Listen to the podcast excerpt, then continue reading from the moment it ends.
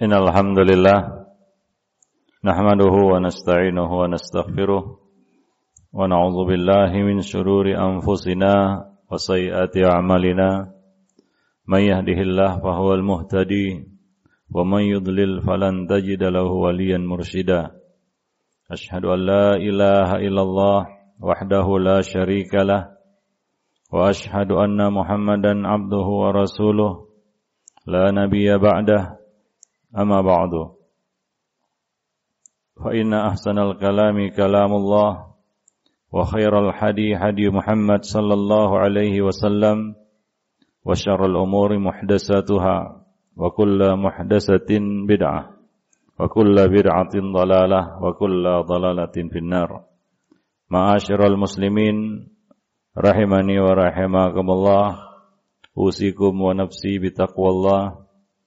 فقال الله تعالى في كتابه المجيد يا أيها الذين آمنوا اتقوا الله حق تقاته ولا تموتن إلا وأنتم مسلمون وقال الله تعالى في كتابه المجيد يا أيها الناس اتقوا ربكم الذي خلقكم من نفس واحدة وخلق منها زوجها وبس منهما رجالا كثيرا ونساء وقال تعالى في كتابه المجيد يا أيها الذين آمنوا اتقوا الله وقولوا قولا سديدا يصلح لكم أعمالكم ويغفر لكم ذنوبكم ومن يطع ومن يطع الله ورسوله فقد فاز فوزا عظيما Para jemaah kaum muslimin yang dimuliakan Allah, pertama saya berpesan kepada diri saya dan kepada para hadirin sekalian agar tetap menjaga ketakwaan kepada Allah karena takwa itu adalah sebaik-baik bekal yang kita bawa menghadap Allah Subhanahu wa taala.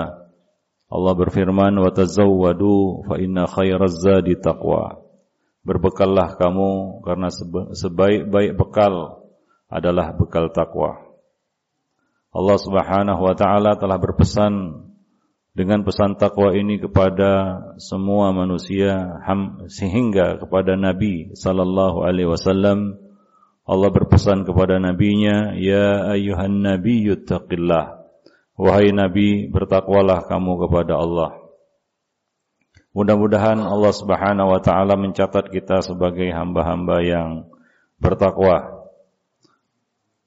Salawat beriring salam tidak lupa kita limpahkan untuk nabi kita, junjungan kita, teladan kita Nabi Muhammad sallallahu alaihi wasallam yang telah membimbing kita kepada jalan yang membawa kita kembali kepada kampung halaman kita yaitu surga yang membawa kita kepada jalan Allah Subhanahu wa taala yang mengembalikan kita kepada fitrah kita sebagai manusia.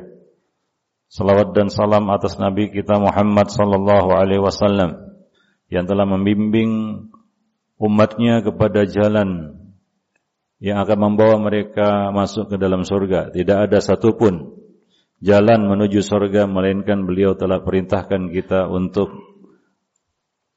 menapakinya dan tidak ada satupun jalan yang membawa kita ke neraka melainkan beliau telah mencegah dan melarang kita darinya. Para jemaah yang dimuliakan Allah, salah satu jaminan hidup bahagia di dunia maupun di akhirat adalah memiliki sifat qanaah. Qanaah dalam arti kata menerima apa yang Allah Subhanahu wa taala berikan kepada kita. Di dalam hidup ini kita akan merasa lapang, kita akan merasa beruntung apabila kita bisa melihat nikmat rezeki yang Allah berikan kepada kita. Hidup ini akan terasa letih, akan terasa sesak, akan terasa sempit, dan kita akan merasa kurang beruntung terus apabila kita hanya bisa melihat rezeki yang ada pada orang lain. Namun kita tidak mengetahui dan tidak pernah melihat rezeki pada diri kita. Oleh karena itu, di dalam sebuah hadis Nabi Shallallahu Alaihi Wasallam menyuruh kita untuk melihat orang-orang yang ada di bawah kita. Jangan melihat orang-orang yang ada di atas kita. Nabi mengatakan unzuru ila man huwa asfala minkum wala tanzuru ila man huwa fawqakum fahuwa ajdar alla tazdaru ni'matallahi alaikum. Lihatlah orang yang di bawah kamu, jangan lihat orang yang di atas kamu. Karena yang demikian itu supaya kamu bisa mensyukuri nikmat-nikmat yang Allah Subhanahu wa taala berikan kepada dirimu. Kadang-kadang kita nggak bisa melihat rezeki yang Allah berikan kepada kita. Kita selalu melihat rezeki yang ada di tangan orang lain, sehingga kita pun merasa kurang beruntung hidupnya.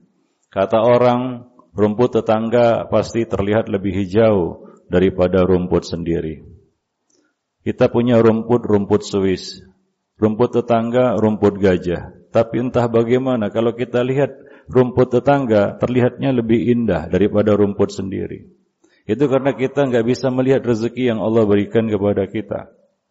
Apalagi kita sebagai seorang muslim, pantang kita mengeluhkan rezeki karena Allah Subhanahu wa taala telah memberikan rezeki yang sangat luar biasa kepada kita, seorang muslim. Sebagaimana dikatakan Nabi sallallahu alaihi wasallam, "Qad aflaha." Sungguh beruntung dan pasti bahagia. Man aslama, orang yang telah dapat Islam dalam hidupnya. Wa ruziqa kafafan dan diberi rezeki yang cukup, enggak kelaparan, ada pakaian yang bisa menutupi tubuhnya, ada makanan yang bisa mengganjal perutnya, ada rumah tempat dia berteduh, waruziko kafafan wa qanna'ahu bima atah.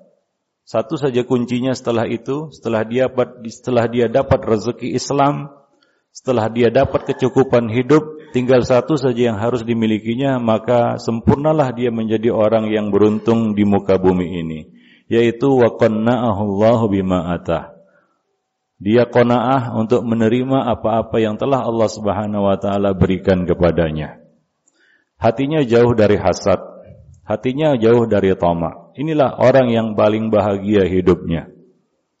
Kalau kita lihat rezeki yang Allah berikan kepada kita, mungkin kita akan berkata, "Ya Allah, sepertinya saya kurang bersyukur kepadamu." Fabi ayyi ala'i rabbikuma tukadziban? Qalilan ma tashkurun. Barulah kita menyadari bahwasanya kita itu kurang bersyukur dengan rezeki-rezeki yang telah Allah gelontorkan kepada kita setiap hari. Tapi kadang-kadang mata kita tertutup untuk dapat melihat rezeki-rezeki Allah itu. Dan muncul tamak dalam hati kita ketika kita ketika kita melihat rezeki yang Allah berikan kepada orang lain. Padahal Allah telah mengatakan di dalam kitabnya, "Wa ma min dabatin illa 'alallahi rizquha." Tidak ada satu orang pun yang ada berjalan di muka bumi ini melainkan Allah telah menjamin rezekinya. Manusia lahir ke dunia telah tertulis rezekinya di dalam perut ibunya. Rezeki manusia ini lebih kurang, ada yang dilebihkan, ada yang dikurangkan. Wallahu yaqbidu wa yabsutu. Kalau Allah kurangi kita dari satu sisi, mungkin Allah lebihkan dari sisi yang lain. Itu adalah keadilan Allah Subhanahu wa taala. Tapi rezeki manusia nggak ada yang sama. Sebagaimana sidik jarinya juga nggak ada yang sama, maka rezekinya juga nggak sama. Bayangkan orang kembar aja nggak sama rezekinya, padahal mukanya mirip sekali. Mbak Pinang dibelah dua kata orang, tapi rezekinya berbeda. Lahir dari rahim yang sama, bahkan dari sel yang terbelah, tapi rezekinya berbeda. Begitulah Allah Subhanahu wa taala membagi-bagi rezeki kepada manusia. Mungkin hanya ada satu rezeki. Satu nikmat yang Allah bagi sama rata kepada manusia. Untuk hal ini, semua manusia diberi rezeki yang sama. Gak berbeda. Di mana pun dia berada, di mana pun dia tinggal, di zaman apa pun dia hidup, manusia untuk hal yang satu ini diberi rezeki yang sama. Adil. Gak dibeda-bedakan. Yaitu waktu 24 jam itu kita dapat jatah yang sama semuanya. Gak ada yang lebih dan gak ada yang kurang. Sehingga dia merasa kurang beruntung. Ya Allah aku kurang beruntung karena aku cuma dapat 11 jam atau 23 jam. Tidak.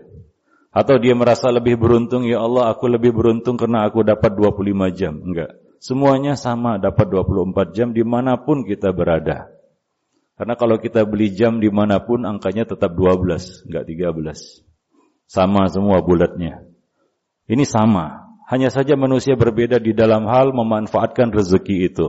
Ada yang beruntung dengan waktunya dan ada yang rugi dengan waktunya. Sebagaimana firman Allah Subhanahu wa taala, "Wal asri innal insana lafi khusrin." Jadi rezeki manusia tidak sama dibagi-bagi oleh Allah Subhanahu wa taala. Oleh karena itu kita tidak perlu hasud dan hasad terhadap rezeki yang Allah berikan kepada orang lain. Hasad ini adalah penyakit yang akan menimbulkan penyakit-penyakit lainnya. Seperti penyakit tomak, penyakit kikir, itu lahir dari penyakit hasad. Maka setiap kali selesai sholat, Allah subhanahu wa ta'ala melalui lisan nabinya mengajari kita untuk membaca doa. Apa yang kita baca? Allahumma la mani alima ataita wa la mu'ti lima mana'ata. Ya Allah, tidak ada yang dapat mencegah apa yang engkau berikan kepada hambamu. Dan tidak akan ada yang dapat memberi sesuatu yang engkau cegah darinya. Itu rezeki yang Allah subhanahu wa ta'ala berikan kepada manusia. Maka kita tidak perlu tomak dalam hidup ini. Kecintaan kepada dunia yang berlebihan, itu akan membinasakan kita. Ada satu penyakit yang berbahaya namanya penyakit wahan, yaitu penyakit cinta dunia. Penyakit ini akan membinasakan seseorang. Sebagaimana disebutkan dalam hadis, sesungguhnya anak Adam yang tidak punya sifat kona'ah ya, kerakusannya akan terus bertambah. Apa kata Nabi? Seandainya seorang anak Adam diberi satu lembah emas, dia akan cari lembah yang kedua. Kalau diberi dua, dia cari yang ketiga. Diberi tiga, dia cari yang keempat. Tidak ada yang dapat menghentikannya kecuali tanah, yaitu dia masuk mati, baru selesai ketamakannya. Memang tamak ini penyakit yang gak akan sembuh.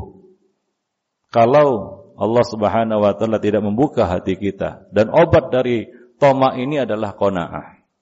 Antara tamak dan qanaah adalah dua perkara yang tidak akan bersatu dalam hati seseorang. Itu saling mengusir satu sama lainnya. Kalau hati terisi tomak, nggak mungkin kona'ah. Hati yang kona'ah akan selamat dari ketamakan. Maka coba lihat periksa hati kita.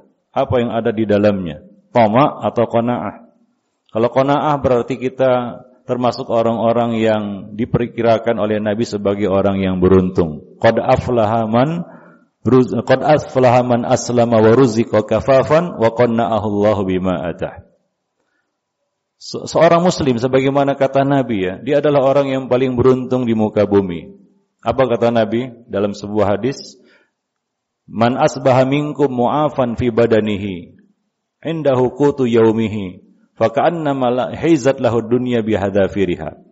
Barang siapa yang di antara kamu mendapati waktu pagi aminan fi sirbihi dalam kondisi aman dalam kondisi iman mu'afan fi badanihi, diberi kesehatan, sehat wal afiat. Indahu qutu yaumihi, dia punya kebutuhan pokok makannya eh, pada hari itu. nama hizat lahu dunya bihadzafiriha. Maka orang seperti ini kata Nabi seolah-olah dia telah diberi dunia dan seisinya. Dia adalah orang yang beruntung. Tapi kita ini memang tamak. Sudah dapat rezeki yang luar biasa tapi kita tetap menuntut dan menuntut bahkan kecewa kepada Allah, suuzon kepada Allah ketika Allah membatasi sedikit dari rezeki. Sementara dari sisi yang lain Allah Subhanahu wa taala gelontorkan rezeki kepada kita. Maka pintar-pintarlah, pandai-pandailah kita untuk melihat nikmat-nikmat Allah Subhanahu wa taala. Niscaya kita akan menjadi orang yang bersyukur, niscaya kita akan menjadi orang yang qanaah. Maka dari itu amalkanlah kalimat terakhir dalam surat Ad-Duha ayat terakhir dalam surat Ad-Duha. Wa amma bi ni'mati rabbika fahaddis.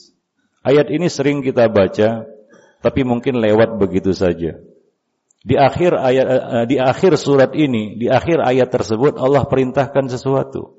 Adapun terhadap nikmat-nikmat Rabb kamu hadis. Hadis ini kata perintah. Tapi apakah kita sudah menjalankan perintah itu? Ini perintah yang luar biasa, penting ini sebenarnya dalam kehidupan. Hadis itu artinya adalah lihatlah rezeki Allah itu lebih detil dan lebih detil lagi. Kalau perlu nikmat Allah itu kita zoomkan. Kita perbesar sehingga nampak besar di mata kita. Tidak nampak kecil. Karena suatu kalau dilihat dari jauh, tidak dilihat secara zoom, detil, rinci, itu akan terlihat kecil. Gunung Salak mungkin kita lihat tidak sebesar, tidaklah lebih besar daripada buah salak kalau kita lihat dari jauh. Tapi kalau kita dekati Gunung Salak itu mungkin kita nggak akan bisa melihat puncaknya. Demikianlah para jemaah yang dimuliakan Allah. Maka dari itu pintar-pintarlah kita untuk melihat dan bisa uh, melihat lebih dekat lagi segala nikmat yang telah Allah Subhanahu wa taala berikan kepada kita. Dan itu adalah salah satu isi muhasabah yang harus kita lakukan setiap hari. Hari ini sudah berapa banyak nikmat yang Allah teri, eh, Allah berikan kepada kita yang sudah kita kita terima dari Allah dan bagaimana dengan syukurnya? Karena ancamannya adalah wala in kafartum inna adzabi lasyadid. Fa'tabiru ya ulin nuha.